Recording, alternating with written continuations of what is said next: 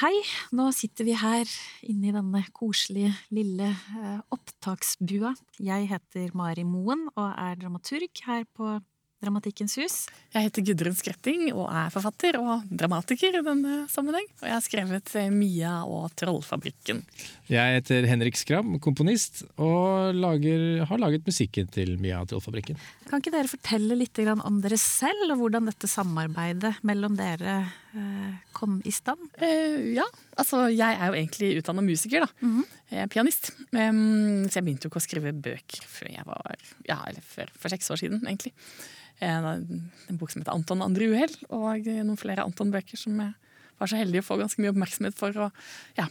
Um, jeg vil jo tro at det er fordi jeg både er musiker og forfatter at Filharmonien spurte meg om å skrive et stykke i anledning Filharmoniens 100-årsjubileum, og de skal ha noe som heter Barnas konserthusdag, tror jeg. Um, og der ville de ha et stykke med musikk til, da. Mm.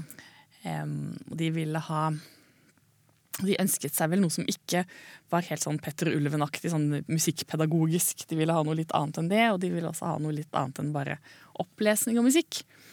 Um, så da ble det et slags lite teater, da. Det er jo første gang jeg gjør noe sånt. Hvordan var det for deg å, å skrive teater? jeg, var, sånn, jeg var litt sånn pippi. Litt sånn, Dette har jeg aldri gjort før, så det får jeg sikkert til. men, etter hvert så skjønte jeg at oi. Ja. Um, jeg har jo alltid likt å skrive dialog, egentlig. Um, og på en måte så var det ganske befriende å, å slippe å putte inn alle disse her hun så seg rundt, hun så på ham, svelget Eller alle disse her tingene man ofte putter innimellom dialogen når man skriver bok. Um, eh, ja, men eh, etter hvert så tenkte jeg at jeg må ha no, noen øyne utenfra, så da var jeg så heldig å få hjelp av deg. um, ja. Kan du også fortelle litt om din eh, bakgrunn og inngang inn i dette? Ja, altså, jeg er jo komponist. Klassisk eh, komponist. Jeg har jobbet hovedsakelig med film de siste ti årene. Men som er filmmusikk, da. Og har jobber mye med orkestermusikk. Og uh, også gjort litt sceniske ting. Uh, som jeg finner veldig spennende. For det er, når man jobber med film, så er og du skriver for en scene, så er den alle jobber mot at den skal bli ferdig, og så er den fryst i tid for alltid, og den blir aldri annerledes når den først er ferdig. Mens med teater så er det jo det motsatte, kan man trygt si. Der forandres det hele tiden. Ja. Uh, og det er en veldig dynamisk måte å jobbe på, og det, det forteller også noe om hvordan man starter komposisjonen. Da. At den, den, må kunne være dynamisk. Så det er en helt annen måte å skrive på, rett og slett. Som jeg syns er veldig spennende. Så jeg også ble involvert i dette. Vi ble jo koblet, da, Gudrun og mm. jeg, av Lars Petter Hagen ja. i Filharmonien. Som da hadde ansvar, eller er programrådgiver og, og utvikler. Eh, så, og vi hadde ikke jobbet sammen før, så vi, det var veldig spennende. Ja, ja. Og fikk da begynte å nøste Begynte å nøste. Hva, hva, hva, ja, hva, skjedde da? For da fikk dere et oppdrag. Dere hadde ikke jobbet sammen, men kjente hverandre kanskje? Nei, egentlig ikke. Nei, bare Nei. sånn på navn. Ja. Eh, liksom, ja. Mm. ja. Så det var en sånn på en måte en slags blind date, da? Ja, ja, mm. absolutt. Det var det. Uh, ja, jeg måtte jo først Jeg stressa jo litt med å komme på en idé, da, for jeg visste jo at han skulle jo ha tid til å skrive dette her. Ja. Um, så begynte jeg å sende han litt sånn skisser til hva det skulle handle om, fordi det er litt sånn følelse av mm. universet, kanskje.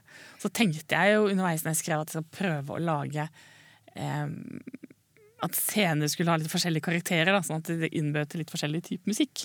Ja. Um, ja. Hvor, det var vel en sånn altså, overordnet jo, tanke, da. Mia eh, og Trollfabrikken heter det handler om eh, ja, et møte mellom mennesker og troll. Altså, Hvor kom denne ideen fra? Fantes det noen føringer, eller eh, var det helt eh, Nei, det var vel ikke annet enn de føringene som jeg fikk, at det ikke skulle være noe sånn musikkpedagogisk. og at, ja, Eh, jo, den, jo, en føring som jeg fikk, var at det ikke skulle ha altså, altså budsjettmessige årsaker og diverse, ikke mer enn to skuespillere. Mm -hmm. eh, jeg har vel en tendens til å liksom ville ha med veldig mye, ofte. Ja. Så jeg dikta inn enda litt flere roller. sånn at en av utfordringene var jo å, å lage pauser på en måte der den ene kunne kle seg om, rett og mm. slett. Mm. Ja. For å bytte rolle. Og der det også kunne falle naturlig med musikk. Eh, mm. Ja, Og lage litt rom for musikk her og der, da. Mm. Men så da dere møtte hverandre første gangen, så var det på en måte helt eh, åpne landskap, og dere snakket Ja, det det. om Ja, mm, det var det. Men vi har jo også egentlig jobba ganske mye hver for oss. Og du har gjort ditt, og jeg har gjort mitt, og så har jo Så jeg fått sånne gavepakker innimellom, og nå kommer den scenen. Men Ja, Henrik har jo da lest inn eh, hele skuespillet.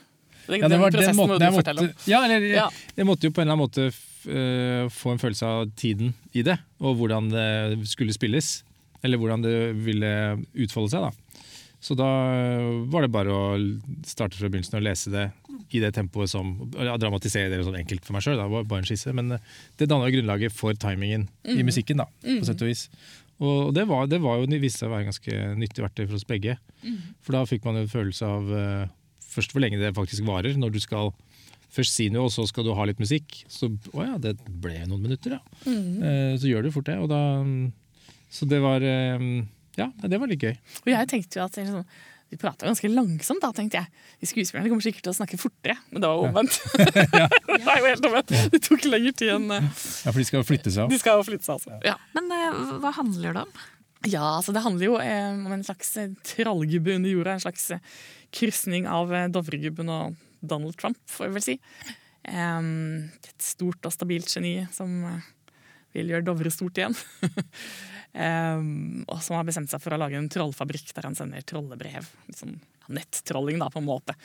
Um, på den gammeldagse måten. Opp til menneskene, for han har lyst til å ha menneskene bort fra fjellet sitt. Um, og en av postbudet hans, da, en trollgutt som heter Malte, han eh, roter seg bort og ender opp inne hos eh, en jente som heter Mia. Menneskebarn som heter Mia. Som i og for seg venter på tannfeen og får servert et troll i stedet. da.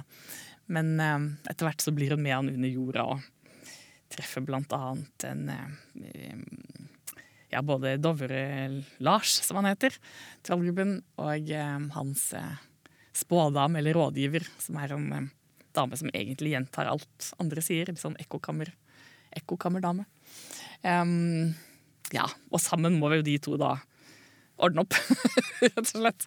Og få mennesker og troll til å snakke med hverandre og finne ut at det ikke er så farlig. Har du noe å tilføre?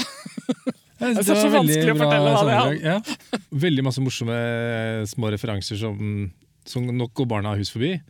Altså, no, altså, jeg mener Som bare at det er, det er Jo, at eh, ja, bare liksom, gjør Dovre stort igjen. Det er jo ikke liksom, mange femåringer som catcher den. Det er capser hvor det står uh, gjør Dovre Og det er, sånn, det er gull, sant? fordi det er jo alltid er foreldre med. Det er en familieforestilling. Så vi har vel tenkt at Og han er morsom i seg sjøl som en farlig tro- trollgubbe. Så Ja. mm, det synes jeg du har liksom klart å lage et ekteskap mellom den, eh, de to nivåene veldig fint. da. Ja, jeg, har- jeg har tenkt at liksom, Barna skal ikke sitte med følelsen av at her er det noe vi ikke skjønner, men så kan det være noen ekstra dimensjoner der for de voksne. Det var liksom ideen min. da. Det handler på en måte på et sånt eh, underliggende plan da, om hvordan troll og mennesker må samarbeide for at det skal eh, gå bra, eller? Ja, om fremmedfrykt, eh, vel. Og, og ja, også han, trollgubben, han han det er jo, eh, Menneskene driver jo og borer et, en tunnel i fjellet hans da, uten at han vet det.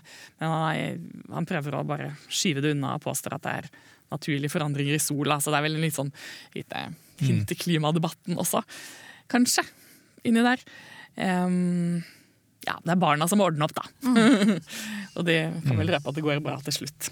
Nå har ikke du vært så involvert Nei, i prøvene med dem, så du kom og så det ferdige Ja, jeg synes det, er sånn, det, det er jo den virkelig store forskjellen Ja. på å skrive bok som du bare skriver, og så er den ferdig, og så, er det, så aner du ikke egentlig hva, hva, hvordan, hva som foregår i hodet på den som leser, hva slags bilder de lager seg, for det gjør det jo. Um, men, mens her er det noen andre som skal lage bildene. Det er jo fantastisk å se, rett og slett. Eh, hvordan, hvordan de klarer å forme den teksten og det som jeg har laget. å Nå sitter vi her med manus eh, på, på gulvet. Det hadde vært eh, egentlig litt fint å høre litt eh, tekst. Ja. Skal jeg være Mia, da, som er Så kan jo jeg lese sceneanvisningen, da. Ja. Ja. Det er kveld. Mia sitter i sengen sin, pappa står ved siden av og spiser på et stykke ost. Please, pappa.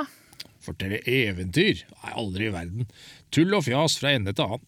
Nei, fantasi er det dummeste som finnes. Å? Ja, Det får deg til å tenke rare tanker. Vrøvl, rett og slett. Men jeg liker rare tanker. Tøys! Tanker som er annerledes, de bruker man opp hjerneceller på. Og hjerneceller, skal jeg si deg, dem bør man spare. Selv bruker jeg nesten ikke mine i det hele tatt. Fungerer helt utmerket. Nei, bruk hodet på sånn som du blir rik av, jenta mi. Nettopp! Tannfeen skal gjøre meg rik. Se, her har jeg spart opp syv tenner. Og bare vent til hun kommer og fyller glasset mitt med penger da. Tannfeen? Hvor har du hørt om henne? Jeg lånte denne eventyrboka på biblioteket. Hva?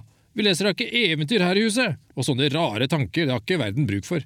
Nei, verden har bruk for store tunneler i fjellet, sånne som jeg lager. Og så har verden bruk for ost. Det beste, det vidunderligste, det deiligste og lekreste som noensinne er laget. Bøker og tannfer, du, liksom. Pøh. Du rører ikke tennene. Jaså? Ja ja, du skal få ha dem til i morgen. Men da er det på tide å bli fornuftig. Åh, ditt fantasiløse vortesvin, din, din ostespisende fotsoppklyse. Hvorfor må jeg bli fornuftig akkurat i morgen? Nå må jeg jo få tannfeen til å komme i natt. Hm, kanskje. Og så hopper hun ut på gulvet og trekker en sjokoladeplate ut av nattbordskuffen. Jeg tror det ble til en sjokoladekake, egentlig. Ja, det det. Selv om sjokolade er skikkelig dårlig for tennene, kan det jo hende at det er skikkelig bra for tannfer. Og så legger hun seg til å sove, og så hva skjer da? Da kommer da trollet. Og Mia sier 'hva for noe, har du hale'? Ja, litt skuffet. Ja, Får du lyst til å skrive mer for scene? ja, Ja, ja veldig. Ja. Ja. så spennende. Jeg synes det var kjempegøy, og, og sånne samarbeid som dette er også veldig, veldig eh, Hvis noen hadde spurt oss om å gjort det igjen, så hadde i hvert fall jeg sagt ja. Ja, nettopp. Ja. Enig.